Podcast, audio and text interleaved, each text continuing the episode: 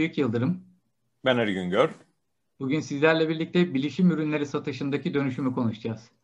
Evet, evet Ali. nostalji. nostalji konuşacağız, evet. Ee, Yazıcıoğlu iş anından başlayan ve e, işte BİM'de, Carrefour'da bilişim ürünleri satışına uzanan e, serüveni konuşacağız. Öncelikle Ali Güngör kimdir? Seni tanıyanlar zaten biliyor ama tanımayanlar için şöyle bir kısaca tanıtabilir miyiz? Teknopat.net'te genel yayın yönetmenliği yapıyorum. Genelde videolarda insanlar gördükleri için hatırlıyorlar. Kimisi bir ekran kartı incelemesinde, kimisi bir telefon değerlendirmesinde, kimisi de bir sohbet muhabbet videosunda görüyorlar. Ee, ben editörlüğe, dergi editörlüğünde başladım 99'da. Daha sonra dergilerden internete geçtik. Eskiden yazı yazıyorduk Ümit. Şimdi bugün biliyorsun artık video ile insanlara görüntülü, sesli daha sıcak, daha yakın bir iletişim oldu. Bir de bazı şeyleri gösterme imkanı oldu, teknik detayları. Fotoğraftan çok videoda detayları gösterdik. Böyle gelişen bir süreç oldu. Teknopat'ta da artık 9. yıl, neredeyse 10. yıl olacak. Ee, video yapmaya başladığımızdan beri de yaklaşık olarak sanırım bir 7 yıl geçmiş olacak. Erken girenlerden diyebiliriz. yani. Erken başlayanlardan biriyiz. YouTube video yayınlamak için çok fazla seçeneğin olmadığı, hostingin çok pahalı olduğu dönemlerde bize ücretsiz olarak bütün videolarımızı yükleme ve insanlarla paylaşma imkanı verdi sitede. O gün bugündür buna devam ediyoruz. E, bilişim editörlüğü nereden oluyor, nereden geliyor? Kendin okur yazar olarak, dergi okur yazar olarak imreniyorsun, özeniyorsun. Şimdi insanlar videoları izleyip özeniyorlar, imreniyorlar. Oyun oynamak için kendi bilgisayarını toplamaya çalışıyorsun. Bir şekilde hata yaparak diyeyim, bayağı acı hatalar yaparak nelerin yapılması yapılmaması gerektiğini öğrendiğin zaman insanlara paylaşıyorsun. Benim hikayem de aslında böyle başladı. Oyun oynamak için girdim. Kendimi burada buldum diyebilirim. Evet. Peki e, Ali biz nerede tanıştık? Nasıl tanıştık? Bunun öyküsünü hatırlıyor musun? Valla bayağı yok bir, aslında galiba. Bayağı bir zaman oldu. Ee, evet. Karşılıklı bir buluşalım, tanışalım, sohbet edelim. Ama ee, onun öncesinde tamam. ya şimdi biz ikimiz de bilişim sektörünün içinde olduğumuz için bir şekilde ortak arkadaşların paylaşımlarıyla olsun işte işte ortak en gruplar çok olsun. Evet bu işte bilim kurgu evreni grubunda sen de üyesin. İşte belki orada evet. paylaşımları görüyordun ondan sonra. Kısa şey hikayeleri yapayım. gördüm en çok orada. Onları çok severek zaten bakıyorum, takip ediyorum. Böyle mikro bilim kurgu öyküler, pardon kısa hikayeler derken en, günümüzün Twitter Blog formatına... yazılarına da denk geliyordun diye tahmin ediyorum. Çünkü onları Tabii. da sen bayağı sevmiştin. E, Bilim.org zaten onun dışında diğer yerler. Aslında çok ilginç bir şey şimdi Ümit. E, internet üzerinde ben seneler önce forumlarda üye olduğum insanlarla seneler sonra mesela nickleri paylaştığımız zaman tanıştığımızı da bazen anlayabiliyorum. Aslında Aa, aynı yerlerde. Diyerek, Tabii yakın yerlerde bulunmuşuz ya da belli bilim kurgu hobi gruplarında az insanın olduğu yerlerde belki bir mahlas altında e, sonradan fark ediyor insan ya sen de mi oradaydın? Orada çok güzel sohbet dönüyordu, muhabbet dönüyordu diye. Bunlar hobi ve ilgi alanları. Tabii teknolojiyle ilgilenen insanların da aslında bilime, bilim kurguya yatkın olması bence çok aşina bir şey. Türkiye'de hele ki çok çok az insanın eskiden ilgilendiği konulardı. Zaman geçtikçe yaygınlaştı tabii bunlar. Ama o ortak gruplar, o bilim kurgu sevgisi diyeyim, oradaki paylaşımlarla tanışmış olduk. Ben çok sevindim yani tanıştığımıza. Sonradan diğer ortak arkadaşlar, diğer konuk ettiğin insanlar da mesela bizim sektörümüzde tanıdığımız, sevdiğimiz, izlediğimiz, okuduğumuz insanlar yine. Evet. Bu ortak havuz hikayesinin aslında e, şöyle bir şeyi var, bende karşılığı var. E, ben koşuya da meraklıyım biliyorsun. Şimdi koşuyla ilgili evet. olarak da böyle e, iki video çektim. Orada da mesela konuştuğumuz bir şey var daha önce mesela yıllar öncesinde aynı karaya girdiğimiz insanlarla yıllar sonra tanışıyoruz. Çünkü gene aynı havuz hikayesi var. Burada da öyle olmuş yani. Öyle oluyor. E, pek fazla insan değişmiyor aslında bilişim sektöründe. Rolleri değişebiliyor. Mesela firma tarafından ajansa ya da yayına geçenler oluyor. Farklı yerlere rol alıyorlar. Ya da işte bu işin e, en temelinden satış yaparken daha sonra distribütör ağında farklı rol alanlar. Zira Türkiye'de bir eğitimli, yetişmiş ya da daha doğrusu tecrübeli bir insan açığı var. Bir yandan çok fazla insan iş bulmaya çalışıyor. Ama bir yandan da hemen işi alıp götürecek insan ya da bir yatkınlığı olan insan sayısında ciddi bir sıkıntı var. Evet. Ee, bir koşturma var. Mağazada mesela ürünü anlatacak insan bulmada da bazen sıkıntı yaşanıyor. İnternet üzerinde doğru değerlendirecek insan da her zaman her ürün için anında bulunmayabiliyor ya da boşta olmayabiliyor. E, satış noktasında da alıcıda da her tarafta bir teknolojik bir ihtiyaç var. Editör ihtiyacı var. E, bunların eşleşmesi gerekiyor. Havuz içerisinde nasıl diyeyim e, aynı hobi ortak gruplar içerisinden zaten bu alana aşina insan çıkma olasılığı çok daha fazla ve bir yerde iş hayatında da karşına çıkma ihtimali aslında çok yüksek. Ben çoğu FRP'yi gören arkadaşımı seneler sonra iş dünyasında bir yerlerde çıkmış buldum. Evet. Şimdi bilişim ürünleri satışındaki dönüşümle başlayacaksak öncelikle e, bu PC'nin çıktığı ilk dönemleri konuşmak lazım. Evet. E, bu bilgisayarın ilk dönemlerinde işte bu 90'ların başları, ortaları diyelim. İşte o zamanlar böyle e, şu an bildiğimiz anlamda mağazalardan bilgisayar satışı yoktu. En azından ben hatırlamıyorum öyle bir şey. Şöyle oluyordu. Ofislere geliyordu. İthalatçı firma bir şekilde e, onları ürünleri ofise getiriyordu. Gazete ilanı veriyordu. işte dergi ilanı veriyordu.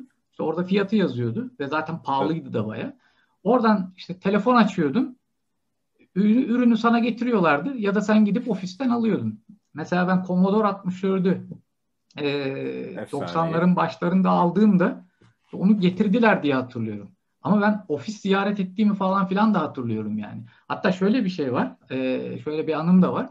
Gene böyle 90'ların başlarında bizim evin yakınında bir Olivetti bayisi vardı. Gene ofis.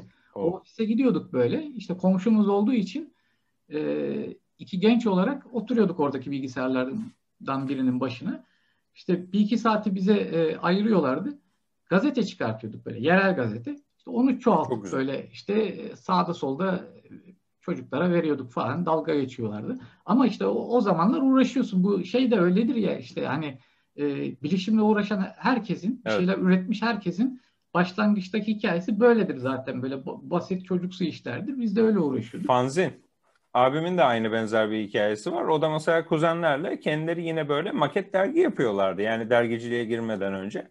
O da Level'ı kurmadan önce diğer yayınlar, Level Chip benim de zamanında içinden geçtiğim yayınlar kurulmadan önce çocukken maket dergi yapan insanlar ve dediğin gibi mahalledeki bilgisayarcı kurulmadan önce kurumsal satış vardı. Aslında Bundan daha önceki jenerasyonlarda var. Hani 80'lerin 70'lerin üniversitede devlet dairesindeki tek bilgisayarla ilgilenen kurumsal yayıncıları var. Ama bir avuç insanlar ve artık çoğu emekliye ayrıldı. Bir iki tanesi dışında çoğu e, şey yaptı. Bizim halk olarak PC'ye tanışmamız esas Türkiye'de bilgisayarın patlaması o Commodore, Amiga dönemleri, atalarımızın tabiriyle Atari dönemleri e, olarak televizyona bağlanan. Ama esas biz ve bizden e, çevremizdeki yakın kuşaklarda o 90'larda patlayan, inanılmaz yaygınlaşan ilk bu 386, 486 ya da öncesi 286 gibi bilgisayarların bu 86 mimarisi yani PC bilgisayarın MS-DOS'un ardından da Windows'un yaygınlaşmasıyla bu bilişim böyle bir inanılmaz hızlanarak artmaya başladı İlk zaten. İlk bilgisayarım Sonrasında... da zaten 286 idi. Bu Commodore'dan sonra Amiga'ya geçmiştim. Amiga'dan sonra artık bu bilgisayara geçeyim dediğimde işte siyah beyaz evet. monitörlü bir 286 ile başlamıştım böyle. Çok güzel sistemlerdi. Yani. Bizde de Amstrad vardı. Yeşil monokrom ekran. O Matrix'lerde, e, retro şeylerde hep yeşil ekran gösterirler. İnsanlar bazı sanlar bazı anlamaz. Yeşil ekran kullandım. İşin kötüsü yine abimle Berker'le muhabbet ederken söylediği şey onun bir de kırmızısı vardı diyor. Cart kırmızı ekran. kırmızının tonları şeklinde bakıyorsun gözünü yakıyor diyor. E şimdi Amstrad'ın, Commodore'un, Amiga'nın belli makinelerini Türkiye'ye getirenleri, satanları belliydi zaten. Dediğin gibi kurumsal satış, taneli satış bir e, ciddi bir yatırımdı. E, PC de geldiği zaman ilk başta bu kurumsal satış. Yani zaten Türkiye'de bir dönem döviz bile yasak. Daha sonra döviz serbest, ithalat serbest. İthalat sonrasında bu Doğu Bank, e, elektronik, müzik seti dönemleri. Sonrasında Kadıköy Yazıcıoğlu dönemi başlıyor. Esas aslında çoğu e, kişinin en geniş kitlenin anısı o Yazıcıoğlu'nda gözünü açarak başlıyor bilgisayar dünyasına. Evet oraya geçelim şimdi. Şu, e, bu Commodore'lardan, Amiga'lardan sonra bildiğimiz anlamdaki bilgisayarların çıkmaya başlamasıyla işte bu bilgisayar satışları, aksesuar satışları, işte oyun CD'si, işte film CD'si vesaire gibi şeylerin satılmaya başlanmasıyla e, işte bu Yazıcıoğlu işanı işte elektrikçiydi galiba o zaman. Elektrikçiler vardı galiba. Elektrikçi yavaş yavaş bir dönüş, vardı yavaş yavaş böyle bir dönüşüm e, geçirmeye başlayıp e, bilişim ürünleri satmaya başladı. İşte bizi de o ilk dönemde böyle e, elimizde A4 e, dolarla yazılmış bilgisayar parça şeyleriyle birlikte abi şey gibi yapıyorduk böyle. Şimdi aynı parçanın bir sürü varyasyonu var listede. Aynen. Ondan işte bakıyorsun şundan mı alsam bundan mı alsam A4'ten şey topluyorsun ya yani şey gibi hani iddia oynuyormuş gibi orada kupon yapıyorsun yani. Öyle bir atmosfer vardı. Orada kutuların, tenekelerin üzerinde, kenarda köşede bankoların üzerinde gerçekten dediğin gibi elinde kağıt kalem altı çizilirdi. Listenin en ucuz parçalarını çizerdi şimdi ilk defa toplamaya kalkanlar mesela. E, o da 500 dolar tutardı. Ortalara doğru ilerlerdim 1000 dolar tutardı. Tepeleri doğru ilerlerdim. Benim hatırladığım bir fiyatı söylüyorum tabii çok değişiyordu. 2000 dolar tutardı. Bugün aslında hala değişmedi. 500 bin 2000 dolar Aynı aralıklarda oluyor. Aynı aralıklarda dolar hiç değişmedi. Tabii aldığın şey neydi? Ses kartı entegre olmadığı için Sound Blaster 16 bir ses kartı almaya çalışırdım. Kasa, kasanın marka ve modeli diye bir şey o zaman çok hatırladığım kadarıyla göz önüne alınan bir şey değildi. E, güç kaynağı ne bulursan biraz onu alırsın. Kaç wattlık diye bakılırdı ama güç kaynağının sertifikasına falan bakılmazdı. Ekran e, kartı krem yoktu rengi kasa. başlarda. Tabii ekran kartı da yok. Salt işlemci RAM. Yani 4 MB RAM falan çok yüksek bir tutardı e, Fallout oynamak için onu 16'ya çıkarmak için gittiğimizi hatırlıyorum. 16 RAM'i ne yapacaksın diye isyan eden satıcı vardı yani. En fazla 8 al falan diye bastırıyordu. Satıcılar da pek bilinçli değildi. Talep vardı ama tüketiciden. Hani biz gidip şu parça geldi mi abi diye bastırdığımız için sorduğumuz için onlar ithal edip getirmeye çalışıyorlardı. Ve dediğin gibi A4 kağıda fotokopi, liste, o PC Gold'un, Eksen'in diğer mağazaların önünde ya da Yazıcıoğlu'nda içerideki elektronikçi dükkanlarda. Ben e, hatırlayınca şimdi tabii çok keyifli geliyor ama e, o zaman orada dışarıda durup da o listede bunun X versiyonuyla diğer arasında ne fark var? Telefondan açıp Google'layamadığın bir dönemdesin.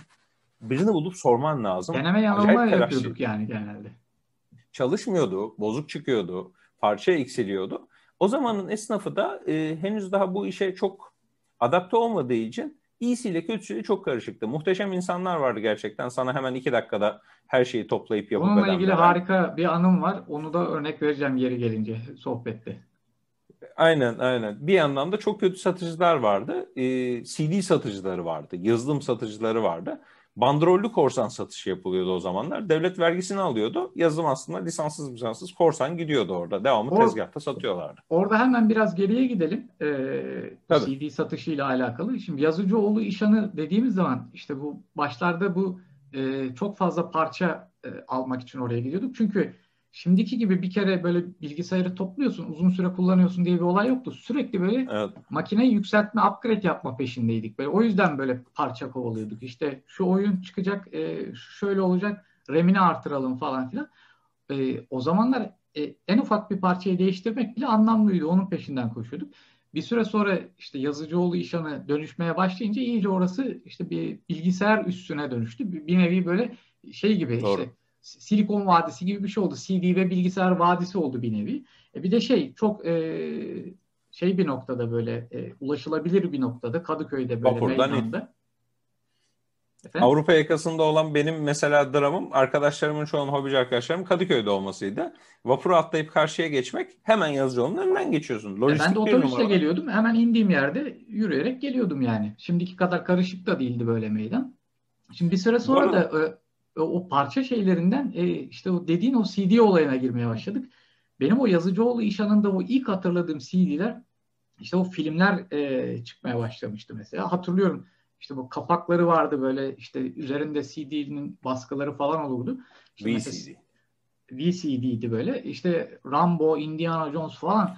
Ya böyle içim gidiyordu. Aklım gidiyordu. Böyle vitrinde görüyorum. Ya her hafta oraya gidip haşlıklarımı böyle biriktirip e, şey alıyordum işte yani bir film, bir film daha, bir film daha. E, öyle öyle şey yapıyorduk ya. Oyunlar da öyleydi mesela. Tabii, işte tabii. oyunların oyunların da mesela sahtelerdi. Biliyor daha sonradan öğrendik. Hatta onun tartışması oluyordu. Bu Evet. Orijinal mi sahte mi tartışması. Ya o kadar iyi yapıyorlardı ki böyle. Kitapçığı da vardı. Nasıl? Kitapçığı, kitapçığı vardı. vardı. Renkli kitapçığı baskı vardı, yapıyorlardı. Şey kitapçığı vardı. vardı. İşte CD'nin üzerinde baskısı vardı, kutusu vardı falan. E, mükemmeldi. Hatta yani böyle Bulgaristan'da şeyler... üretiyorlarmış galiba bir kısmını. Romanya'da fabrika varmış. Zamanında sonradan öğrenmiştim. Şimdi unuttum. Onların fabrikası vardı.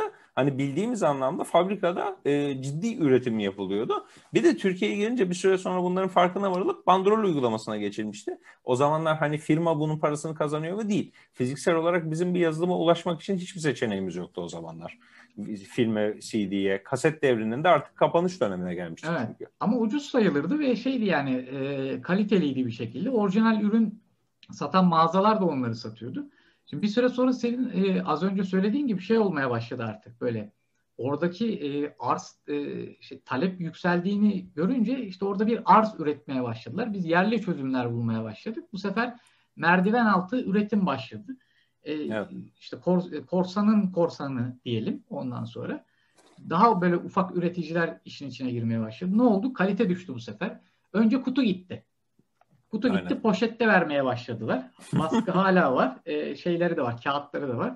Bir süre sonra kağıtları gitti. İşte baskı kaldı. Baskı da gitti. CD kalemiyle yazmaya başladılar.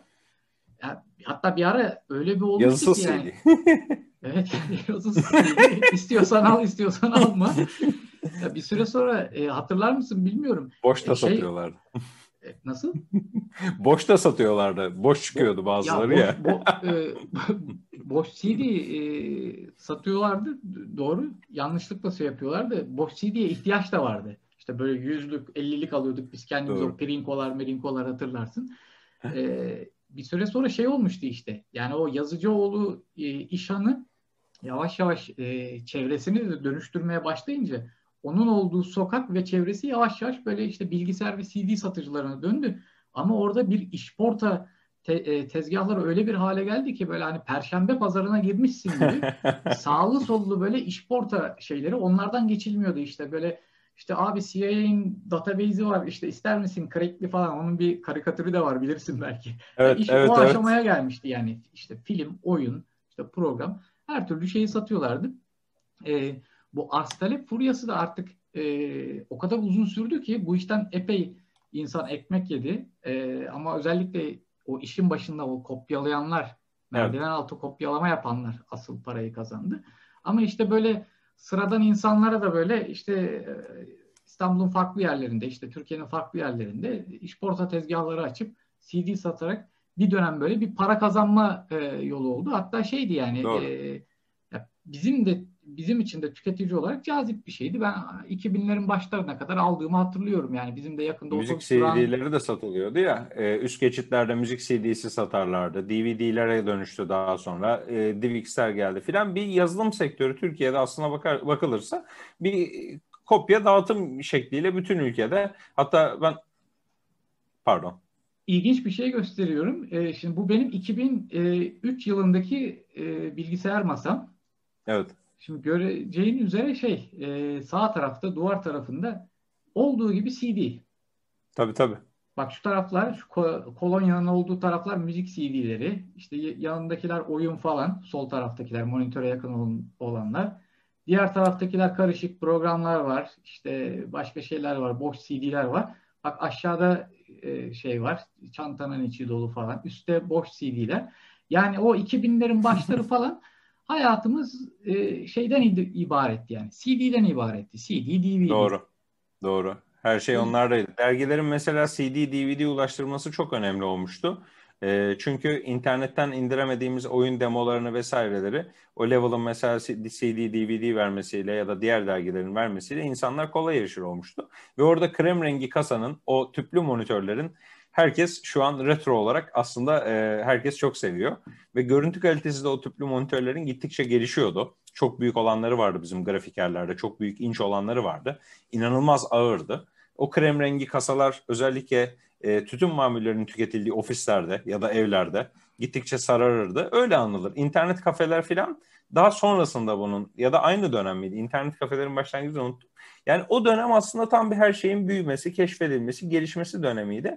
Ve ürünler ilginç bir şekilde Hadi tabii son tüketici olarak, kullanıcı olarak düşünmüyorsun. Nereden geliyor, ne oluyor, ne bitiyor diye. Bir aslında ithalat sistemi, bir aslında bayi sistemi, bir e, toptancılar, ara toptancılar arka planda bir altyapı oturuyor şu an. Hani hem yazılım hem donanım anlamında bir ürünler geliyor. Nereden alacağız? Kadıköy'den alacağız ya da işte Beşiktaş'tan, farklı semtlerde. Sonrasında küçük mahalle e, dükkanları da bilgisayarcıları da yayılmaya başladı.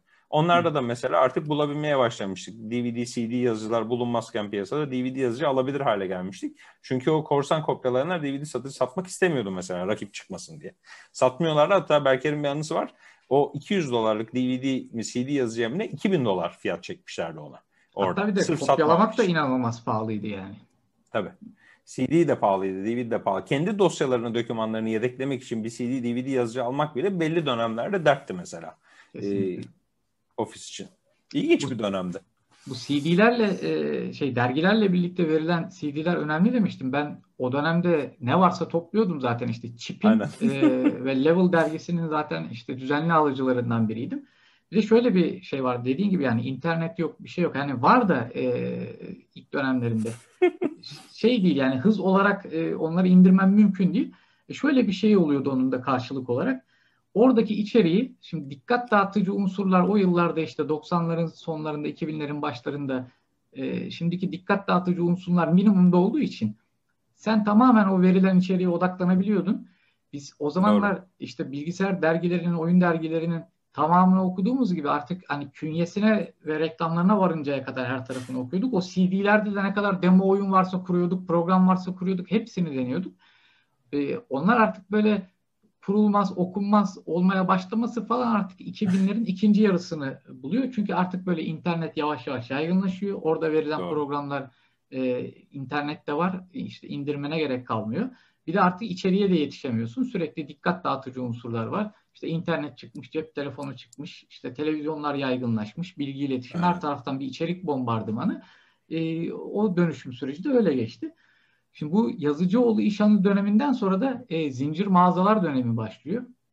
E, benim hatırladığım en eski olanı e, şeydi bu Escortland'ti. Bu Escort bilgisayarın mağazalar zinciriymiş. E, tam böyle 95 yılında e, Şişli'de bir mağaza vardı Şişli'nin tam göbeğinde. Oradan zaman. şey aldığımı hatırlıyorum. E, üç boyutlu gözlük aldığımı hatırlıyorum. Çalıştıramamıştım da. 200 dolar falan da bir para vermiştim. Çalıştıramamıştım da. Evet. E, şeyi de hatırlıyorum bir de. Oradan iki tane de oyun almıştım. Yani orijinal gibi görünen ama tahminimce orijinal olmadığını tahmin ettiğim iki Emin de olamadı. Böyle. Evet. FIFA 97 e, ve Broken Sword 2 idi. E, muhtemelen orijinalde değildi böyle. E, o Escortland e, satılmış galiba. 2005'te satılmış. Şu an hala da Escort teknoloji olarak borsada da işlem görüyormuş. E, hı hı. Ama o, onun şeyi de çabuk geçti galiba. Senin onunla ilgili böyle bir anın şeyin var mı? Bir Mecidiyeköy'de de şimdi eş zamanlı olarak biliyorsun mağazalar kuruldu. Aslında Yazıcıoğlu'na Kadıköy ayağından bahsederken Şişli Mecidiyeköy kısmından bahsetmeden olmaz. Oradaki o bayiler de hem toptan, ara toptan ve bayilik olarak yaparken eskort olsun. İşte hem Kadıköy'deki hem Mecidiyeköy'deki belli başlı mağazalar isim yapmaya başladı. Şimdi isim yapanlar hem elinde adet olanlar hem ürünlerde iyi fiyat yaptığını bildiğimiz yerlerde. 5 dolar ucuza ya da 2 dolar ucuza vermesi o yerin tercih edilme sebebiydi. Ama bir de müşterilere olan tavır vardı. Ee, hatırladığım kadarıyla mesela PC Gold'un belli döneminde iyi derken PC Gold'da belli bir dönemde abi gitme üzerine hakaret yeme diye kendi aramızda sohbet ettiğimiz zaman vardı. Kapandığı için bunu diyebiliyorum. Şikayet edilmişti mesela personel değişmişti vesaire vesaire ya da A markası B markası diyelim. Bazısında kaba bir personelde denk gelebiliyordunuz. E şimdi bu Escortland ve öyle zincir mağaza açılmaya başladığı zaman tabii öteki tarafta raflara yığılı ürünler var. Diğer tarafta mağazada bir sergilenmeye başlamış ürünler. Biraz daha olayın önemi artık anlaşılmaya başlamış. mantığının ortaya çıkmaya başladığı dönem. E tabii mağazacılık aslında ayrı bir sanat. Onun spotu, ışıklandırması, ürünlerin gösterilmesi ayrı bir olay. Ama sergilenen ürünler şimdi elektronik ürünler, aksesuarlar olunca benim en çok dikkatimi çeken şu olmuştu. E, mağazalar farklı farklı sergiliyordu. Çok fazla bir kullanım deneyim alanı yoktu. Kutulu ürün sergilenirdi. Bir şeyleri deneyemezdim pek fazla. Evet. Açılan ürün sayısı gerçekten çok çok azdı. Açılan ürünün satılması sorundu. Oyunlar, CD'ler yine ön plana çok fazla konurdu. E, fare pedleri, o fare altlıkları kalın. O iki senin eski fotoğrafta gördüğümüz çok güzel bir örneği onun. Bu yuvarlak ya da kare minnacık fare altlığı. Şimdi şöyle fare altlığı alıyorsun koyuyorsun özel şeylerden. O zaman ufacık incecik bir şeyden bahsediyoruz. E, tekerli fare, e, çift tıklamalı fare. A4'tekin arka tarafta duran bir tanesi vardı zaten benim de. Klasik PS2 fareler o mağazalarda e, bir de satış danışmanları gelmeye başladı. Şimdi normalde mağazada önce dükkanda bir tek adamla konuşuyordum. Şu parça var mı? Böyle bir durur, bir sessizlik çok acayip bir soru sormuşsun gibi bir e, garip bir e, awkward dedikleri yabancıların saçma bir bekleyiş anından sonra arka tarafa seslenilir var mı yok mu diye sorulur. Ya da gerçekten iyi biriyle çalışırsan var hemen çat çıkartır iyi esnaflık yapar alır verir yapar eder bir de üzerine bir ikram yapar muhteşem bir deneyim ayrılırsın. Mağazada satış danışmanları geldi. Satış danışmanları şu güzel bunu vereyim abime diye başladılar satış yapmaya. Mağazacılık aldı yürüdü o eskortlandığın yanında diğer taraflarda e, ürün çeşidi çok fazlaydı. Ürünleri evet. görebiliyorduk. Arada gezebiliyordun, dolaşabiliyordun. O çok büyük bir fark getirdi. Evet. Ee, şimdi oradan kapandığı için dedin Gold bilgisayara geçelim. Ee, o şey de önemli bir e, faktör tabii. Şimdi bir firma hakkında bazı konularda konuşmak istiyorsun ama ya işte ticari bir işletme olduğu için hakikaten böyle Doğru. bazı şeyleri e, konuşmakta çekiniyorsun. Ben tweet atarken de aynı e, sorunu yaşıyorum yani. Kendi kendime Maalesef. bir otosansür uygulamak durumunda kalıyorum. Sonuçta ben yani yapıyorum. Hiç e, tahmin etmeyeceğim bir e, şeyle karşılaşabilirsin sonuçta. O konuda haklısın yani. Ben de aynı fikirdeyim. Tabii bizim zaten dergicilikte de başımıza geldi daha önce. Dergide ya da online yayında adımız kesinlikle anılmasın e, hukuki yollara başvuracağız diye gelenler oluyor. E, yasaklıyorsun ya da komple siliyorsun, kaldırıyorsun. Kullanıcılara diyorsun bir daha bununla ilgili şey yapılmayacak ya da kaldırmıyorsun. Karşılıklı ondan sonra hukuki süreçler başlıyor. Yani bu aşamalar cidden sıkıntılı olabiliyor. Ama kullanıcılar böyle bir şey yapan bir markayı genelde pek affetmiyor Ümit. Ee, geçmişte böyle çok sertliğe başvuran diyeyim ya da müşteri şikayetini ya da şeyi karşılamak yerine benim hakkımda konuşulmasın ben istemiyorum diyenler hep tepki Daha fazla konuşuluyor. Daha fazla konuşuluyor. Tamam yayın gazete ya da haberi kaldırıyor ya da başka bir yer kaldırıyor. Uğraşmıyor. Ya da işte bir yeri cezalandırıyorsun. Bu sefer başlıyor 20 yerde birden çıkmaya.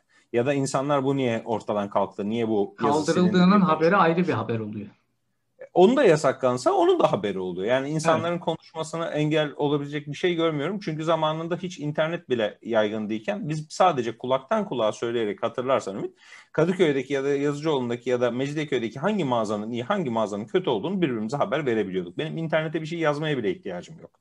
Yani şu, dedik ya arkadaşlarımız, ortak çevrelerimiz senin de ihtiyacın yok. Bir yerden söylüyorsun öteki yerden kulağına tekrar geri geliyor aynı laf. Böyle dolaşıyor yani bu işler. Gold bilgisayarla e, ilgili anım da şöyle. Şimdi bu Gold bilgisayarda 30 yıl önce kurulmuş. E, Çok Kadıköy'de köklü. Kadıköy'de başladı herhalde. Ben Kadıköy'deki Tabii. mağazasını hatırlıyorum. Galiba sahipleri vardı o zaman baştan orada. Tek şubeydi diye hatırlıyorum. Şimdi ben oraya mesela giderdim. E, bir keresinde şey almıştım. Bir anakart almıştım. Bu slot soket dönüştürücü e, vardı oh. hatırlarsın böyle. Çok e, evet. saçma sapan bir e, şeydi. Şimdi ben aldığım o slot soket dönüştürücü bozukmuş. Ama ben bunu bilmiyordum. Ben anakarttan olduğunu düşünüyorum. Çalıştıramıyorsun zannediyorsun. Çalışmıyor zannediyorum böyle. Hani elektrik elektrik gelmiyor zannediyorum. Götürdüm böyle. Hiç fişmiş falan sormuyor. İşte şey de sormuyor. Beni tanıyor zaten. Hani böyle şey olarak, sima olarak tanıyor böyle. Tanıma sistemi işte. Aldı böyle aynen yüz tanıma sistemi. E, raftan hemen yenisini verdi, gönderdi. Gittim eve. Çalıştırmaya çalıştım gene olmadı. Çünkü sorun orada değil. Ondan sonra tekrar götürdüm. Tekrar verdi. Üçüncüsünde gittim Ali şey dedi bana artık. Sen artık sen artık kabak tadı vermeye başladın dedi. Şimdi düşünebiliyor musun? Fatura evet. ibraz etmiyoruz. Kimlik ibraz evet. etmiyoruz. Hiçbir şey ibraz evet. etmiyoruz. Üç kere soru sormadan değiştiriyor ve tek sistemi şu yani kabak tadı vermiş. Yani CRM sistemi budur ama adam doğrudan seni tanıyor. Yani Adam ve... beni tanıyor. Yüz tanıma sistemi var. Kafadan etiketliyor direkt. Ama bak işte iş nereden nereye gelmiş. Yani o Doğru. zamanlar öyleydi. Biz giderdik böyle. Dediğin gibi işte o e, kupon Kaba söz duyabiliyorsun ya iddia kuponu yapıyormuş gibi o e, şey yapardık böyle. Orada da müzakere de ederdik böyle. Satıcıyla müzakere de ederdik. Artık şey olurdu. Orada o kadar vakit geçirirdik ki müşteri de aslında az görecek bugünkü şeye göre. Evet. Hani aldım kasaya gittim öde öyle bir sistem yoktu. Orada vakit geçirirdin yani. E, insanlar seni tanırdı bir şekilde öyle yürüyor diyor. Yani senin de, demin dediğin gibi yani CRM Müşterinin sistemi... de adı çıkabiliyordu bu arada. Bazı müşteriler vardı orada. Hep mağazalara laf etmeyelim, satıcılara laf etmeyelim. Sorunlu müşteri kategorisinde bütün bölge esnafının tanımaya başladığı şey vardı. Her gittiği dükkanda arıza çıkarmış, kavga etmiş. Bir yerden sonra kara listeye almışlar. Ama esnaf çay vermiyor. O, derece kara listeye girmiş adam. Nasıl bir sorun yarattıysam bütün bir ekosistem, zincir mağaza olmayan esnaf tarafından nasıl banlandın? E, banlanmış fiziksel dünyada ben banlanan insan gördüm. Mecidiyeköy'de de vardı benzeri durumlar yaşanan. Almış iade etmiş, almış iade etmiş devamlı arızası olmayan ürünler mesela. E, Biz o iyi zaman, banlanmamışız o zaman. ya bizim ama haklı olduğumuz şey şuydu. Ürünler gerçekten bozuk çıkıyordu Ümit ve bozuk çıkma oranı da yüksekti. Onlar da biliyordu. Üç üründen bir tanesi arızalıydı ortalama ya da dört üründen bir tanesi. O yüzden o hemen değiştiriyordu. Bir şekilde hallediyorlardı ve geliş karı o zamanlar daha yüksekti e, anladığım doğru. kadarıyla. Doğru doğru. Sonra, kar marjı daha yüksekti kesinlikle. Kar marjı yüzde üçlere beşlere olarak, düştü. Müşteri olarak daha değerliydin. Daha az müşteri vardı. İşte daha az ürün vardı. Kar marjı yüksekti. Sen müşteri olarak değerliydin. Seninle ilgileniyordu. Farklı çözümler üretebiliyordu sana özel. Benim e, onunla ilgili hatırladığım şöyle bir anım var. Yazıcıoğlu e, iş anından şey aldım ben. Philips e, CD yazıcı. Evet. Orijinal değilmiş. Bir şekilde kaçak yolla gelmiş. Philips'in çok sahtesi vardı o dönem. Evet. Bozuldu. E, götürdüm. Firma kapanmış. Yani dükkanı kapatmışlar gitmişler. Philips'e yazdım. Dedim böyle bir şey ben hani Philips diye güvenip aldım. Böyle bir şey oldu ondan sonra. Bana dediler ki işte faturayı tara gönder bize. Taradım gönderdim. Tamam işte şu ithalatçıdan git al. Hiç şey yapmadılar yani. Çünkü şöyle baktılar olaya. Yani sen güvenmişsin. Biz bir markayız. Gitmişsin evet. almışsın. E, olmamış. Tamam biz marka olarak bu inisiyatifi alıyoruz ki şimdi e, böyle bir şey görmek yine zor. O zamanın şartlarında öyle bir şey vardı. Güzel bir anıydı ama şimdi böyle bir şey görmek yine zor. E, oradan şeye geçelim. Mavi bilgisayara. Mavi bilgisayar tabii. da o ilk dönemde adı epey anılan firmalardan biri. Hatta tabii ki e, şey, dergilerde mesela e, standart bir şeyi olurdu. O zamanlar bir de reklamlar şeydi böyle. E, direkt listeyi basarlardı reklam olarak. Fiyat listesi böyle. Hiçbir tabii, şey tabii. Yapması, anlatmasına gerek yok. Direkt fiyat listesi böyle. E, mavi bilgisayar da o yüzden o 90'ların sonlarında 2000'lerin başlarında bilgisayarla bir şekilde işi olmuş, dergilerle bir şekilde işi olmuş insanların mutlaka yakından bildiği bir yerdi. Burası da Ankara merkezli bir firmaymış ama benim hatırladığım kadarıyla Mecidiyeköy'de ve Kadıköy'de şubeleri vardı. Vardı. Orası, orası da 2009'da kapanmış. Ee, Maalesef. Kapanmış o da. Ben 2006'da Xbox 360 aldığımı hatırlıyorum mavi bilgisayardan bu arada. Hatta zamanda reklam almışlığımız da vardı. Konuşmuşluğumuz da vardı. Etkinlikte bir araya gelmişliğimiz de vardı. Denk gelmiştik. E ben demiştim ben şu zaman şunu almıştım bu zaman. Yani pek çok e, tanıdığım insanın da oradan bir alışverişi vardı. Onlar çok sohbeti e, güzel insanlardı yani yaklaşımı güzel insanlardı. Pek çok mağazada mavi bilgisayar gibi iyi anılan mağazalar var yani o dönemden özellikle. Çünkü şöyle söyleyeyim Türkiye'de bulunmayan ürünleri getirme e, işlevi görmüşler Ümit. O dönem kolay kolay bulamıyorsun. İthalatın yapılması bir mesele. Bazı ürünlerin Türkiye'ye getirilmesi mesele. Ee, özellikle arayıp da bulamadığımız çok farklı ürünler vardı değişik. Yurt dışından e, ufak ufak artık haberimiz olmaya başlayıp da yeni teknolojiyle Türkiye arası fark olduğunu görmeye başlayınca işte Exen'e gidiyorsun, Exe'ye gidiyorsun, PC Gold'a gidiyorsun. Bazı şeyler için mavi bilgisayara bakıyorsun. Son zamanlarına doğru çok fazla konsol ürünü vardı mesela e, mavi bilgisayarda benim hatırladığım kadarıyla. Benim de e, Mecidiyeköy'de e, alışveriş yaparken orası da mağaza değil de ofisti diye hatırlıyorum. İşte giderdik böyle bir işte binanın ikinci katında bir ofis, ikinci katı, üçüncü katı hatırlayamıyorum tam. E, işte mesela sabit disk alırdık. Giderdik mesela oraya otururduk böyle. Şeyde beklerdik böyle. Ofiste beklerdik. İçeriden çıkartırlardı, getirirlerdi. Fatura düzenlenirdi falan. Bu süreç böyle şeydi. Yarım saatlik falan bir süreçti. Tabii. Böyle olurdu. Yani şimdiki gibi raftan aldım ürünü, kasaya gittim işte TC kimlik numaranız neydi alın faturanız böyle gitmiyordu işte. Yani orada bir yarım saat. Kasiyer hemen geçmiyordu. Kas, kasaması yok zaten orada muhasebe var. Direkt oradan faturayı kesip veriyorlar. Öyle gidiyordu iş. Ee, oradan şeye geçeyim. Hızlı sisteme geçeyim. Bu hızlı sistem de e, şeydi böyle e, Beşiktaş'ta mağazası vardı benim hatırladığım. Hızlı sistemi farklı yapan şey kurumsal bir görüntüsü vardı böyle bir showroom gibi dizayn edilmişti ve bir şekilde güven veriyordu bana tüketici olarak. Bu 2000'lerin başlarında diye hatırlıyorum. Ee, sen neler hatırlıyorsun onunla ilgili? Ben hızlı sistem e, özellikle reklamlarını, ilanlarını hatırlıyorum. Hani o zamanlar böyle Avrupa'dan da marka ve ürün gelmeye başladığını hatırlıyorum biraz biraz. Hani böyle aradaki e, ürünler, aksesuarlar, fareler, diskler mesela biraz daha renklenmeye başlamıştı.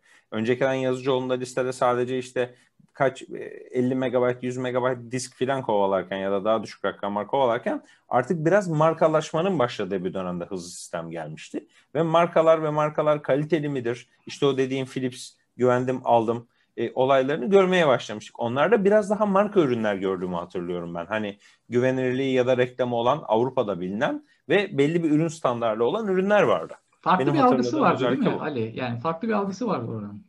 Hem oranın hem de o zaman çıkan birkaç markanın da hepsinin adını hatırlayamasam da Recep de Berker de benden bazılarını daha iyi hatırlıyorlar. Dijital trend miydi? Başka bir şey geldi aklıma. Onu bir türlü hatırlayamadım. Kusura bakmasın izleyicilerim. Diyeceklerdir. Böyle ilginç ürünler getirmeye başladı. İşte mesela Lacey'leri orada görmeye başlamıştık. Falanca markanın da e, 8-10 markanın 20 markanın birden distribütörlüğünü bunların arkası yapmaya başlamıştı. Biraz daha Avrupa'ya yerleştiğini hissetmiştim. Modernize ama, olmaya başlamıştı bilgisayar dünyası sanki. Evet ama çok sessiz sedasız kayboldu yani hızlı sistem. Nasıl kapandı, ne zaman kapandı yani e, mesela bilgi ararken bile bulamadım yani. Nasıl? E, ar- arada hız aşırtma ürünleri getirmeye başlayan, e, ilginç şeyler yapmaya başlayan ara başka mağazalar ve bireyler de oldu. Fakat evet. çok sessiz kapandılar çünkü şöyle bir şey. 99 zaten ekonomik krizinden sonra 2000'lerin başında döviz kurunun e, belli dönemlerde sabit olduğunu 1.17 idi 2003 yılının e, galiba dö- kış döneminde yanlış hatırlamıyorsam. Bu kurla e, bilgisayar toplanmaz. E, tabii 1.17 olmuş. 1.17 ne demek ya? İnanılmaz yani. Efsane. Sonrasında 1.37'ye geçiyorsun. Sonra 2 oluyor. Kur değişirken e, piyasalarda da devamlı değişimler, dalgalanmalar oluyor. Ve şöyle bir şey, kar marjının gittikçe düştüğü, gittikçe daha fazla insanın mal getirmeye başladığı, zincir mağazaların artık dediğin gibi kurulup rekabet yapmaya başladığı bir yere doğru gidiyoruz. E ne oluyor? Birdenbire e, ürünler, adetler elde kalmaya, depoda kalırken bayatlamaya başlıyor. Tayvan'da da, Asya'da da, Amerika'da da ürün çıkış sıklığı artıyor. De, ekran kartları geliyor, yeni ürünler geliyor. Biraz alıp da ürünü bir sene tutup bir sene sonra aynı fiyattan satabileceğin dönemin dışına çıkmaya başlıyoruz. İşte bu dönüşüm esnasında parayı döndüremeyen, daha doğrusu e, Anadolu'ya mal verdim, parası gelmedi diye batan çok fazla esnaf oldu. Bizim işin Türkiye'de finansmana erişimin zorluğu, vade zorluğu ve kendi arasındaki ticaretin dönmemesi. Genelde nasıl oluyordu? Ümit şöyle oluyordu. E, arada zincirden çok büyük bir şirket diğerleri tarafından ödemelerini yapamadığı zaman uzunca bir süre boyunca idare ediliyordu. Borçları çok fazla birikiyordu. O çöktüğü zaman zincirleme şekilde herkesin alacakları verecekleri ortaya çıkıp patlamaya başlıyordu. Bir bakıyorsun bilişim sektöründen marka eksilmiş, çok önemli yerler eksilmiş. E, PC Gold kapanmış mesela dediğim örnekte olduğu gibi en çok hafızalı olan. Ve yerine ne gelmiş? Pazar payı diğerleri tarafından mı paylaşılmış? Hayır. Yerinde bir boşluk var sadece. Çoğu zaman kapananın yerine diğerleri bir kâra geçmedi ve adet arttırmadığı için garip tarafı. Öyle bir Türkiye'de pazar daralması firmaların eksilmesiyle aslında sonuçlandı. Sonra piyasa tekrar süt liman olunca yeni insanlar ya da belki eski insanlar yeni firmalarla tekrar çıkmaya başladı. Ama çok büyük bir değişim oldu o 10-20 yılda. Evet. Yani ben de şimdi bilişim ürünleri e, distribütörlüğü yapan bir firmada geçmişte çalıştığım için ben de şöyle bir döngü görüyordum. Şimdi markalar bir şekilde e, dediğin gibi ürün sıklığını artırıyor. Ürün sıklığından kastımız şu. Daha fazla çeşitli ürün var. Daha fazla ürün satmaya çalışıyor. Sonuçta şöyle bir şey var. E, firmalar sürekli e, hem karlı olmak zorundalar hem de cirolarını arttırmak evet. zorundalar. E, o sürekli o ciro makinesini beslemen gerekiyor. O canavarı beslemen gerekiyor bir şekilde. Her sene hedef yükseltiyorlar. Ee, Heh, mesela diyecek. pazar pazar yüzde iki büyüyor mesela. Marka sana geliyor diyor ki yüzde dört hedef koydum sana diyor. Sen bu hedefi gerçekleştirmek için e, bu sefer toptancılara e, artırıyorsun hedefi. Toptancı bu sefer sattığı bayilere baskı yapmaya başlıyor. Bayiler de tüketicilere çakmaya çalışıyor. Herkes Aynen. sonuçta birbirine e, malı çakmaya çalışıyor ve e, bu döngünün içerisinde e, marjlar düşüyor. E, aslında e, bir şekilde o esnada dediğin gibi dönüşüm sürecinde krizler de denk gelince o düşen Aynen. marjlar bazı firmalar farklı işlere de girdiler. İşte inşaat işleri olsun, başka işler olsun. Doğru. E, bütün bu süreçlerde belli dönemlerde kapananlar oldu. E, dediğin gibi işte o e, hızlı sistem vesaire de herhalde o esnada gitti. Şimdi yüzde dört mü kazanmak istersin bir yıl boyunca koyduğun parayla? Yüzde yirmi mi, yüzde elli mi, yüzde yüz mü kazanmak istersin? Sonuç itibariyle hiçbir firma bu malları babasının hayrına getirip satmıyor. Herkes para kazanmak için satıyor. Hızlı şekilde para döndüremiyorsa, e, mal döndüremiyorsa bu malları getirmiyor. Keza ben şöyle bir günümüze geldiğimizde bazı yaşanan şeyleri de söyleyeceğim ama e, özetle her yıl dediğin gibi yurt dışı firmaların öyle yüzde beş, yüzde on büyüyeceksin hedefleri tutmuyor. Türkiye çünkü her yıl aynı oranda büyümüyor ya da elektronik pazar her yıl aynı oranda pazar büyümüyor. büyümüyor yani, evet. E, telefona kayıyor bazı yıllar. Bazı yıllar şimdi telefon pazarı doyuma ulaştı. Bilgisayar pazarı bu yıl büyüdü. Kimsenin tahmin etmediği demeyeyim de benim tahmin ettiğim ama pek çok yerde tahmin edilmeyen bir gelişmeydi. E, pazarı zaten e, en iyi borsacılar, en iyi bankacılar bile %50 ortalama başarıyla okuyabiliyor. %100 pazarı okumayı başaran biri yok bildiğim kadarıyla şu ana kadar. Evet. Şimdi oradan şeye geçelim, Bimex'e geçelim. Yani Bimex de en Tabii. eski oyunculardan biri. Hatta e, burada yazdığına göre 90 yılında kurulmuş. En eskisi gibi görünüyor. Kendini öyle e, ifade etmiş. Ben Bimex'i şeyden hatırlıyorum ilk olarak. İşte bu verilen bilgisayar dergilerinde disket ilk böyle disketler verilirdi zaten CD'lerden önce. Tabii. Orada mesela Bimex'in reklamları falan olurdu. Oralardan hatırlıyorum ben böyle Bimex'i. Daha sonra şey oldu işte o e, Bimex bir şekilde mağazalaşmaya başladı. Bugün anladığımız anlamdaki zincir mağazalardan e, biriydi. Bayağı yerde mağaza açtı. İşte oradan e, birkaç ürün almışlığımız etmişliğimiz de oldu ama bir şekilde onlar için de e, işler kötü gitti ve onlar da 2016'da e, sanırım e, 2019'da Concordato bildirimi yaparak iflas etmiş. Ama evet, 2016'da 2016'da sıkıntı başlamış ve e, 1500 işçi şu an işte paralarını almaya çalışıyor diye haberler var. E, evet. BMX'teki anılar da bende böyle o, o da mesela kaybolup giden asırlık bir firma. İnsan şuna üzülüyor Ali. E, evet. Sonuçta senin geçmişinde olan hani o çocukluğundan ergenliğinden hatırladığın e, bildiğin bir marka, güvendiğin bir marka, artık oturmuş bir Doğru. marka ve markaların böyle bir bir kopup gittiğini, silindiğini görmek e, sende hem böyle bir güven kaybı yaratıyor hem de ortak hafıza silinmiş oluyor. E, şimdi markalar aslında toplumda e, bu Sapiens'de de başka yerlerde de geçiyor ya Peugeot sembolünün nasıl bir mağara resminden geldiği hani nasıl para ortak kabul görmüş bir değerse markalar ortak kabul görmüş hisler, duygular uyandırıyor. Bazen kötü, bazen iyi. Kimisine Yazıcıoğlu dediğin zaman tüyleri diken diken olur. Kimisini için Yazıcıoğlu çok tatlı anılar esnaf amcasıyla geçirdiği, babasıyla geçirdiği yıllardır. Kimisi için o Bimex bir zamanlar para kazandığı bir yerdir. Çok güzel bir kazanç sağlamıştır. Kimisi için de ürünü iade edemediği, çok kötü anılarla andığı bir yerdir. Ama ne olursa olsun bir ülkede 100 yıllık şirketlerin mesela olması ülkenin stabilitesi, rahatlığı açısından önemli. Bir gösterge. Ha, herhangi bir patronun ya da bir iş yerinin para kazanıp kazanmadığından daha önemli olan şey genel bir gösterge olarak baktığımız zaman bizdeki bilişim sektöründe stabilite ve istikrar mesela ve kullanıcı güveninin daha çok oturmasıdır. Çünkü firmalar illaki hata yapacak. İllaki çok kötü şeyler yapacaklar belli dönemlerde. Ama uzun vadede belli bir müşterinin de baskısıyla kendini düzeltme müdür değiştirme, çalışan değiştirme, iç eğitim yapma gibi imkanlar oluyor. Bimex mesela Electroworld'u satın almıştı. O dönem sonrasında Darty gelmişti. Amerikan e, Best Buy Türkiye'ye geldi gelecek olayları olmuştu. Bir bakıyoruz Türkiye'de bir mağazalaşma zincir e, yarışı var ve bakıyorsun Teknosa mesela bayi yarışına girmişti. Ümit, e, bayi yarışına girdikten sonra da aynı hızla bayilerin kapatmaya başladığını gördük bu zincir mağazaların. Pek çoğunun bu aşırı derecede en ufak Anadolu kasabasına bile bayi yapma hedefi gerçekçi değildi bence. Çünkü piyasanın böyle dengeye oturmaya çalıştığı zamanlar. İşte AVM çılgınlığı gibi o dönemde de bir e, bilişim ürünleri perakende mağazalar zincirinde de böyle bir patlama yaşanmış. E, bir şekilde işte o kapananlarla evet. satın almalarla beraber bir şekilde dengeye oturdu daha sonra. Tabii bayağı zaman aldı ama dengeye otur dediğin gibi. Yoksa Anadolu'da git şehirlerde AVM'ler vardır. İstanbul'da bile şu an pek çok AVM'ye git.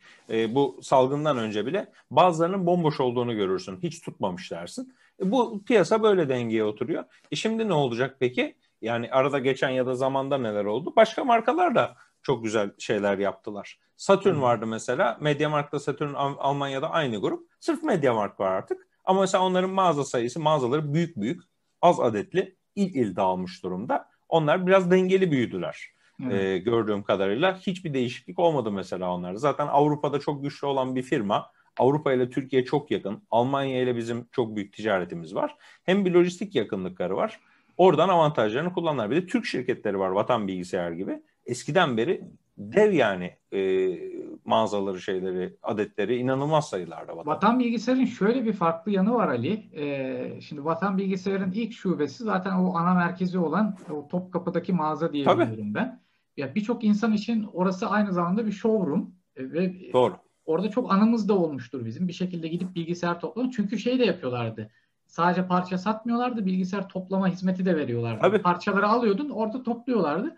Bu önemli bir şeydi. Sonuçta e, biz yıllarca kendi bilgisayarımızı topladık ama mesela şeyler vardır ya böyle LED'in e, şeyini takmak istersin böyle kablosunu. Pinleri. Yan, pinlere takmak istersin yanlış takarsın falan. Ya oradaki adam günde 20-30 tane makine topluyor. O senden daha iyi takacak. E, onun takıyor olması ve sana kasayı hazır teslim etmesi inanılmaz böyle bir rahatlıktı ve güven veriyordu. Devir hep rahatlığa doğru gidiyor zaten Ümit. Yani dikkatimi çeken şey şu. insanlık tarihinde değişmeyen bir şey. Hep daha çok rahatlık istiyoruz. Başta o parçaları alıp toplamayla uğraşırken sonradan insanlar bilseler de bilmeseler de hazır toplanmış sistem almak istediler. Ama hazır sistemlerde fiyat yüksek olduğu için hazır sistem yerine parçalardan sistemi sana toplamayı ucuza yapacak mağaza arandı. Ve mesela Vatan Bilgisayar orada o dediğin hizmeti çok güzel halen daha yapıyor. Pek çok mağazada bu iş modelini kopyaladı aslında. Ya da daha sonrasında bu Türkiye'de yaygın model oldu. Biz de sistem toplama rehberleri yaptığımız zaman sonradan şey gördük. Mağazalar bu sistemleri toplu olarak satmaya başlamış. E sonrasında dedik madem öyle öyleyse sponsor olun. Yani izinsiz yapmayın. E, sponsorlu bir şekilde mesela sistem rehberleri devreye girdi. Ve insanlar hazır bir şekilde toplanmış şekilde bir tane kendi özel belirledikleri ya da listeden belirlenmiş sistemi artık alabiliyorlar. Öyle bir dönem oldu PC. Vatanın bir de farklı bir avantajı da şuydu aslında en güçlü olduğu e, yönlerden biri. Bu kadar firma e, kapanıp giderken şimdi onları konuşuyorduk. Vatan hala ayakta olan e, firmalardan biri. E, Doğru. Onun sırrı da şu. E, aynı Topkapı mağazasında olduğu gibi mağaza e, AVM'lerde mağaza açmak yerine AVM dışında mağaza açma gibi böyle bir strateji sergilediler. En önemli e, stratejilerinden, taktiklerinden biri buydu. Bunun nasıl evet. bir avantajı vardı? Şöyleydi. E, AVM'lerde kiralar yüksek bir şekilde ve AVM'de rekabet oluyor. Şimdi orada Teknosa oluyor, Mediamarkt oluyor, o oluyor, bu oluyor. Şimdi sen orada o rekabete girmiyorsun. Bunların olmadığı bir yerde açıyorsun. AVM evet. dışında ve e, kira daha uygun oluyor bir şekilde. Bu stratejiyi çok uzun süre e, korudular ve bir sürü krizi de sorunsuz bir şekilde atlattılar. Ama şu an mesela bakıyorum son dönemde e, yeni açılan mağazaları yavaş yavaş böyle AVM'lere yerleştirmeye başladılar. Herhalde orada şöyle bir stratejiye e, yeni bir stratejiye geçiyorlar. O da şu herhalde. Pazarın artık herhalde oturmaya başladığını düşünüyorlar ve yerleşerek büyüme stratejisine hı hı. geçtiler herhalde. Şimdi ayakta kalma dönemi bitti, büyüme dönemi. Çünkü onlar da epey bir mağaza açtılar. Evet.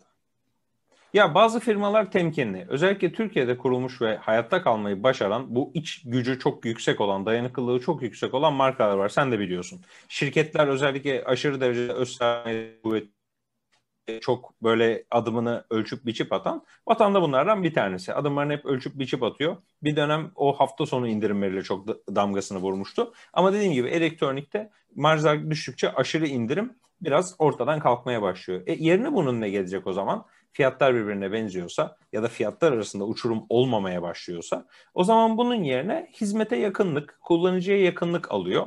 Mağazanın sana yakın olması ya da AVM içerisinde artık evli yaş grubunda olanların eşi e, body shop'ta bir şey bakarken kocanın elektronik dükkana gitmesi biraz klişe bir kavram gibi gelecek ama bence geçerli bir klişe. Çünkü ilgisini çekmiyorsa güzellik ürünleri ya da bakım ürünleri ya da diğer ürünler e, öyle AVM içerisinde arada girip bakmak diye bir şey var. Alışveriş merkezinin hele ki doğal parkların olmadığı bir ülkede yaşıyoruz artık e, çok uzun zamandır. Yeşil alan falan az olduğu için AVM'de vakit geçiyor. Bir de çocuğun bezini değiştirecek odadan başka şeylere kadar belli imkanlar sunulduğu için bir AVM kültürü var. Ha her AVM tutmayacağı için tutmuş olan AVM'lere girerler. Orada çok masif bir ana mağazaları kadar olmasa da en popüler ürünlerini sergilerler. Kullanıcının yakınında olmak avantajlı bence. Ama internet hepimizin her an elinin altında.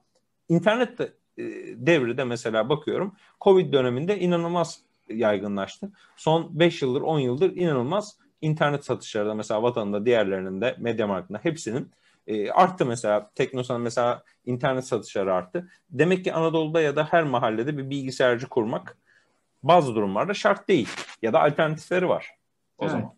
Şimdi oraya geleceğim. Ee, oraya gelmeden şeyden de bahsedelim e, son olarak. İstanbul Bilişim vardı. İstanbul Bilişim de hı hı. bahsedilmeye hak edecek kadar e, belli bir çapı vardı. Şimdi onlar rekabetçi fiyatlarıyla dikkat çekiyorlardı daha fazla. İşte bu özellikle işte televizyon olsun, işte telefon olsun. E, ben onlardan 2016 yılında da en son alışveriş yapmışım. Şimdi ben onlardan bir tane televizyon aldım. Üç tane de telefon aldığımı hatırlıyorum. Şimdi buraya kadar evet. bir sorun yoktu 2016 yılına kadar. 2016'dan sonra ben alışveriş yapmadım. E, o esnada yavaş yavaş böyle e, herhalde 2016 krizinin de etkisiyle e, tüketici sorunları yavaş yavaş artmaya başladı. Yani sürekli bir şeyler oluyordu. İnsanlar malların gönderilmediğini vesaire söylüyor, söylüyordu. Şimdi biz de soramıyorduk. Dediğim gibi işte o ticari işletme meselesi. İşte bazı Aynen. röportajlar bir şeyler çıkıyordu falan ama bilgi yoktu yani ortalıkta. En sonunda e, 2020'de de iflas kararı alındıktan sonra da başka şeyler çıktı. Oralara hiç girmeyelim biz şimdi. Tabii. E, ee, aynen aynen. Yani gir... internette bir kısa bir arama zaten insanlara çok ya şey evet, gösterecektir. Evet. Ümit evet. şöyle söyleyeyim ben o firmanın kurulduğu yıllardan bu yana kendi arkadaşlarıma, çevreme bazı firmaları diyeyim genel çerçevede tavsiye etmiyordum. Sebebi evet. de şu. Elektronik sektöründeki marjı biliyorum. Bir şey gerçek olmak için çok ucuzsa gerçek değildir diyordum. Ya da paranı vadede bekletmeleri gerekiyor diyordum. O paranın para kazanması gerekiyor diyordum. Sonuç itibariyle bir şey olduğundan mesela 1000 liraya ithal edilen bir ürünü 600 liraya alamazsın. E, bu bu kadar basit. 600 liranın 1000 liraya dönüşmesi için beklenecek sürenin beklenmesi gerekir. Ee, en iyi ihtimalle, en iyimser ihtimalle diyorum. Ve zaten çok uzun zaman önce benim yasaklar listeme girmişti orası. Ee, hatta bu olayların hiçbiri olmadan önce o listemdeydi öyle söyleyeyim. Ee, sonrasında tabii çok kullanıcı şikayetleri yağınca e, insanlar bu konuyu çok fazla konuşmaya başladı ama biz zaten bu olayı çoktan bilmiş zaten gerekli paylaşabileceğimiz yasal olarak sıkıntı olmayacak şekillerde paylaşmış. Zaten kapatmıştık. Orada takip eden kullanıcılar mağdur olmazken sonradan tekrar aa iyiymiş falan diyenler mesela telefon siparişleri. orada oldu. Aynen. Ya Sonrasında işte... tekrar girmemek gerekiyor riske. Ben öyle söyleyeyim. Yani bunu o firma için söylemiyorum. Başka firma için de böyle bir şey olursa ben tüketici olarak kendimi niye riske atayım? Ama işte bir şekilde başlarda bir sorun yoktu. Dediğim gibi yani ben de oradan alışveriş yaptım ürünlerin hiçbiri de bozulmadı. Hani bozu, bozulduktan sonraki e, müşteri hizmetleri, satış sonrası süreçleriyle falan karşılaşmadım onu bilmiyorum ama en azından bana firma olarak güven veriyordu belli bir döneme kadar. Ama işte şunu görüyorsun işte Türkiye'nin içinde bulunduğu şartlar bir şekilde ekonomik krizler olsun, başka şeyler olsun.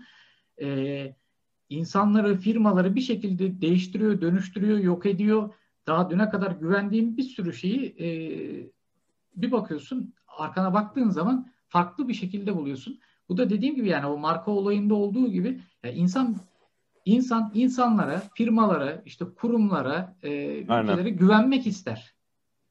İşte, Türkiye dünyada güvenin en düşük olduğu ülkelerden bir tanesi ama en şimdi, yüksek güven oranı bile %35 çıkıyor, %27 çıkıyor ortalama. Evet ya bu 2016'dan beri özellikle böyle sadece bilişim sektöründe de değil, farklı firmalarda da böyle sürekli işte konkordatı olsun, iflas olsun, kapanma olsun falan filan böyle Doğru. duydukça insan üzülüyor. Çünkü ya bir sürü böyle e, perakende zincir ma- mağaza e, marka olarak inanılmaz itibar kaybetti. Hala yaşamına devam etse bile bir şekilde senin gözündeki im- imajı evet kayboldu. Şimdi e, en son şeyde kalmıştık bu AVM'ler diyorduk ondan sonra yakınlık faktörü, fiziki faktör. Şimdi orada e, sektörün en büyük şu an iki oyuncusu e, işte Teknosa ve Mediamarkt var. Hayatta kalabilenler hala. Teknosa da aslında e, zor bir dönem geçirdi. Onlar da böyle evet. bir kategori genişletmesine e, giriştiler. Farklı ürünler e, satmaya başladılar. Sanırım Disney ile bir anlaşmaları oldu. Onlar bir oyuncak oyuncak bir şeyler de satmaya başladılar ve reyonu değiştirdiler falan. Çeşitlendirme yapmak gerekiyor. Mediamarkt'ta da mesela ev beyaz eşya ürünlerini ben çok beğeniyorum. En çok bu yani ev elektroniğinin evet bilgisayar dışındaki kısmı çok güçlü mağazada çok geniş mesela. Teknosa'da da öyle bir avantaj var. Teknosa'da o ürün çeşitliliği güzel aslında bazı yerlerde. Teknos aslında yerli bir firma olarak bizim şu an işte o Alman firması olan Media Marka karşılık gelen işte bu işi kurumsal ve yaygın olarak e, yapan ilk aslında e, firma olduğunu, ilk marka olduğunu söyleyebiliriz. Ama bir şekilde bu işin en fark yaratabileceği e, dönemde onlar biraz böyle bir sorun yaşadılar. E, işte karlılığa geçmekte, etmekte biraz sorun yaşadılar. Bir şekilde e, gene hayatta kalmayı başardılar ama şu an işte sektörü 3 e, ana oyuncu paylaşıyor. Bunlardan biri de MediaMarkt. Şimdi MediaMarkt'la alakalı da e, mesela Trump AVM, evime en yakın AVM. Onların hı hı. E, alt katlarında şey var, MediaMarkt var. Evet. Ben mesela artık şöyle bir şey yapıyorum. Sen dedin ya işte internet satışları arttı şeyle birlikte.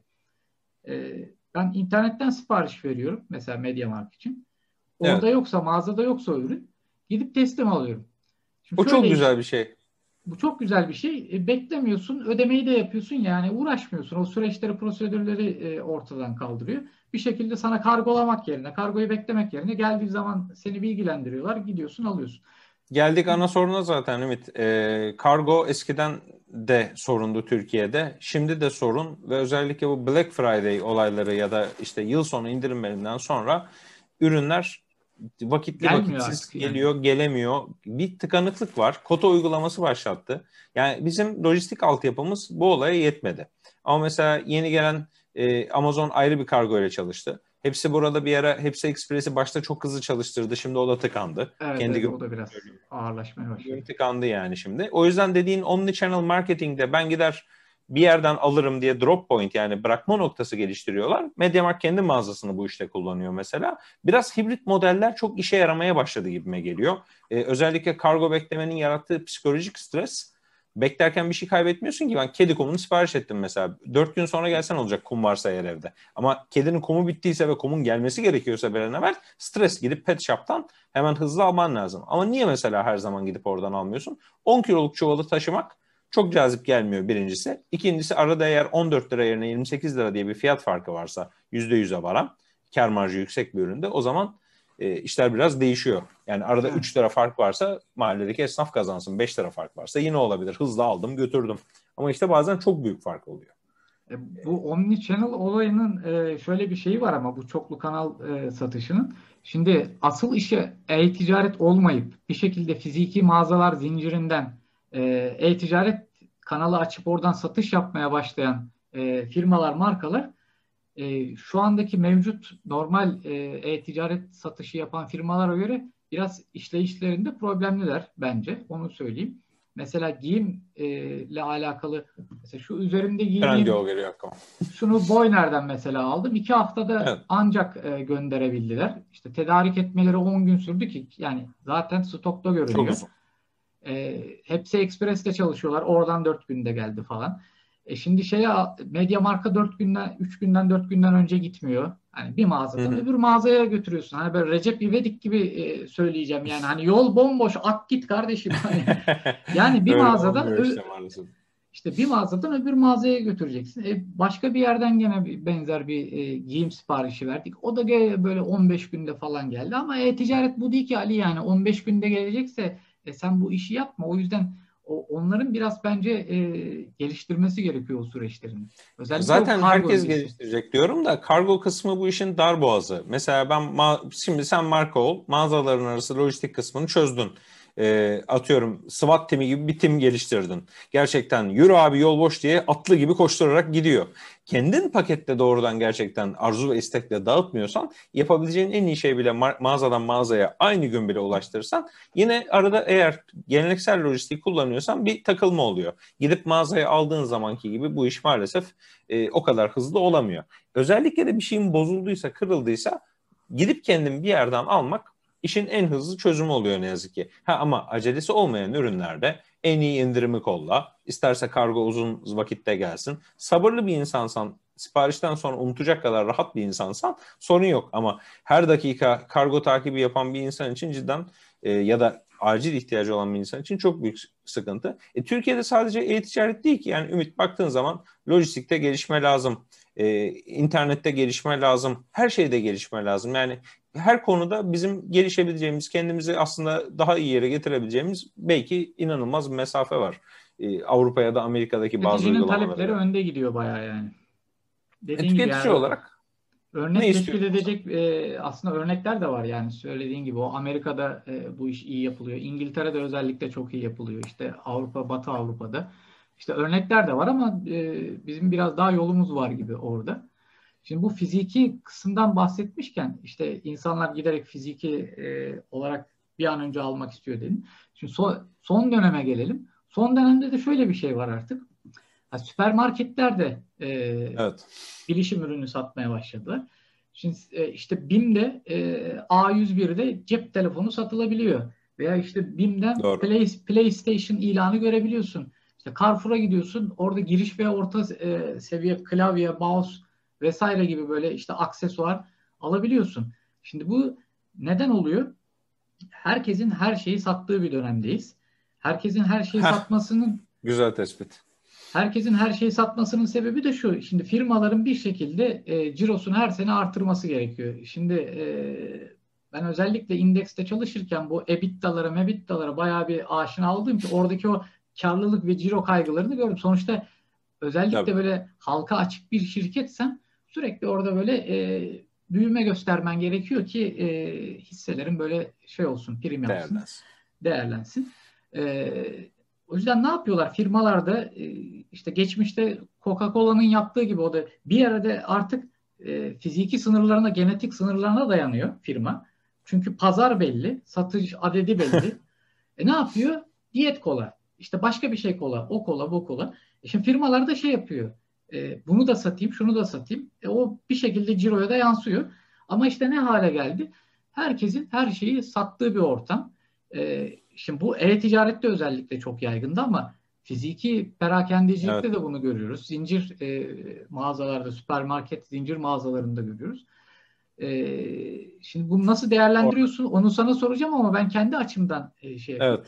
Şimdi bunun e, tüketici açısından lojistik anlamda iki önemli avantajı var. Birincisi hız faktörü. Şimdi artık insanların e, beklemeye tahammülün, uzun bekleme sürelerine tahammülün kalmadığı bir dönemdeyiz. Bir şekilde e, evine yakın bir süpermarket ki mesela bize 200 metre mesafede Carrefour var. Hı hı. Benim klavyeye ihtiyacım oldu Logitech. Giriş seviyesi. Gittim hızlı bir şekilde. internetten aradım. Baktım orada da ne varmış. Güzel. Varmış.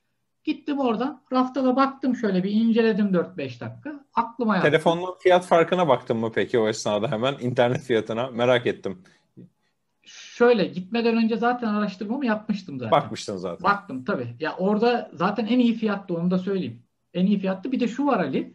E, üzerinde bir 5-10 lira fark etse bile ben şu an bir yerden çıkıp bir yere gidip gelsem bile o yol parasıyla zaten o birbirini dengeleyecek veya kargoyla internetten söylese. E, 200 metre mesafede Carrefour var. Benim aradığım ürün satılıyor orada. E, gittim inceledim aldım geldim yani. Şimdi bu bana bir yakınlık hız e, avantajı sağlıyor. E, ikinci bir avantaj da şu işte yani gidiyorsun fiziki olarak bakıyorsun inceliyorsun içini açıyorsun kutunun tuşlara bakıyorsun böyle. E, Aynen. Yani ikna oluyorsun ürünle alakalı kafanda bir soru işareti kalmıyor.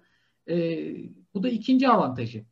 Şimdi tüketici açısından bakarsak yani tüketici kendi faydasına bakar. Benim evet. için avantajlıysa e, ben oradan alırım. Başka bir yerden gider alırım. E şimdi benim için yakın olduğu için oradan alıyorum. E, bir şekilde bu bir dönüşüm süreci. Zaman içerisinde bir dengeye oturacaktır. Ama şöyle bir şey var tabii. Yani gidip BİM'den işte PlayStation veya telefon almam. Çünkü e, işin şöyle bir aşaması var. Sadece hani fiyat avantajı ve yakınlıktan ziyade pahalı evet. ve biraz böyle e, hani uzmanlık gerektirecek bir ürün aldığın zaman, ciddi bir ürün aldığın zaman onun satış sonrası hizmetleri Aynen önem kazanıyor. Şimdi ben orada rafta iki dakika önce tavuk koyan adama ya bu PlayStation bozul, bozulmuş diye götürdüğüm zaman ya o adamcağız bana hani nasıl yardımcı olsun? Biraz da biraz bilmesi Doğru. gerekiyor. Şimdi o yüzden o tarz ürünleri e, daha bu işi doğrudan yapan yerlerde almakta tabii ki fayda var. E, ama işte bu tarz böyle giriş seviyesi ürünleri, işte hızlı tüketim olabilecek ürünleri almak açısından faydalı. E, dediğim gibi yani ben bunu bir dönüşüm süreci olarak görüyorum. Tüketici evet. açısından faydalı ve firmalar bununla ilgili bir şekilde şikayet etmek yerine bence e, bu düzenle e, nasıl daha iyi sonuç alabilirim diye kendilerini yeni şekilde pozisyonlandırmaları gerekiyor. Sen ne dersin Ali? Ya Ümit dediğin şey çok doğru. Şimdi tüketici en iyi fiyatı almak ister, en hızlı şekilde almak ister, ardından da en iyi desteği ister. Ama bunların üçü her zaman birbiriyle biliyorsun aynı hizaya gelemez. Ya en hızlı teslim alamayabilirsin, ya en iyi desteği alamayabilirsin ya da en iyi fiyatı alamayabilirsin. Gerçekçi senaryo budur. Özellikle de piyasa şartlarının zor olduğu ülkelerde. Ama ütopya budur. Yani istenen şey her şeyin en iyisi olsun. He ayağıma gelsin hatta bedava gelsin. Tüketici sıfır maliyetle almak ister.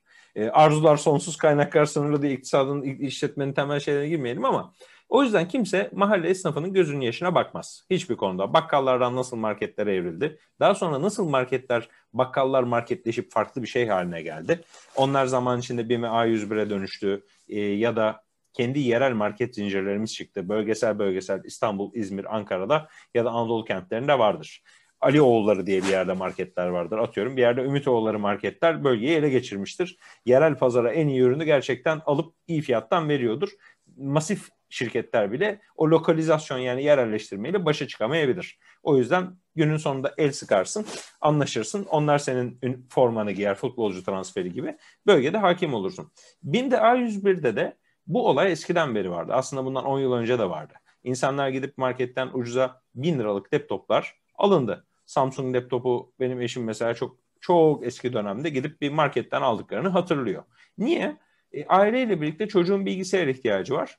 Aile orada. Ürün ellerinin altında. Fiyat o marketin müşteri profiline hitap edecek seviyede ayarlanıyor. Ama. Migros, Carrefour, BİM, A101.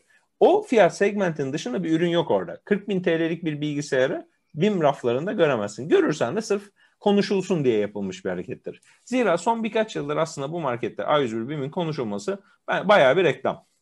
Yani bu firmalar bile artık reklamsız satıyoruz olayı bitti. Öyle bir reklamsız satış yapılacak dünyanın e, geride kaldığını söyleyebilirim sana.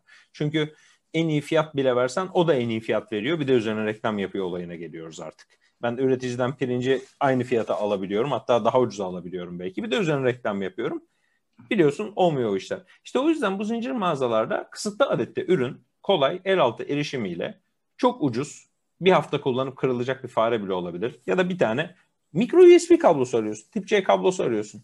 Yani tip C kablosu için gidemezsin. Getirde mesela atıyorum elinin altında var. Hatta işin ilginç tarafı Migros sanal marketim artık işte ısıtıcıyı fırını filan evine getiriyor.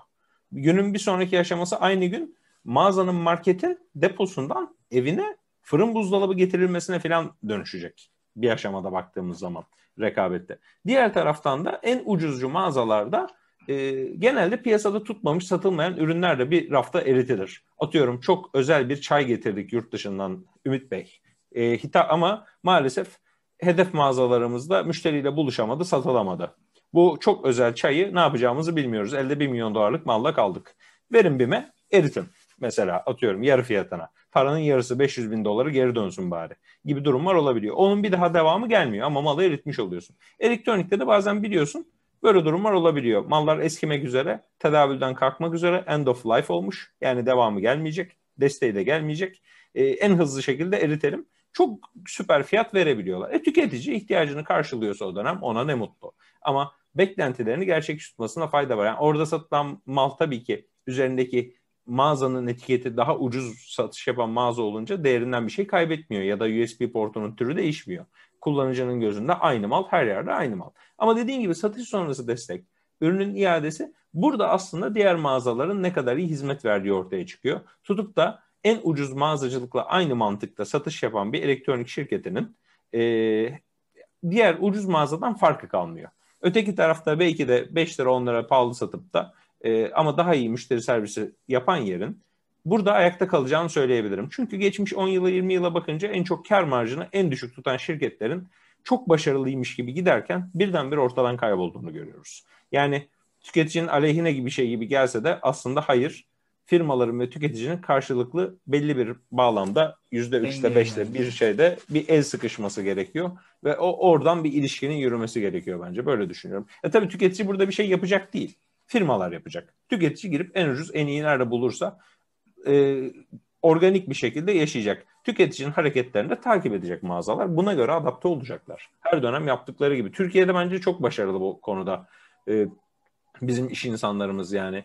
Görülmeyeni görme konusunda çok başarılı insanlarımız var mağazalarda. Dönüşüm ve adaptasyon konusunda özellikle. Aynen öyle. Aynen öyle.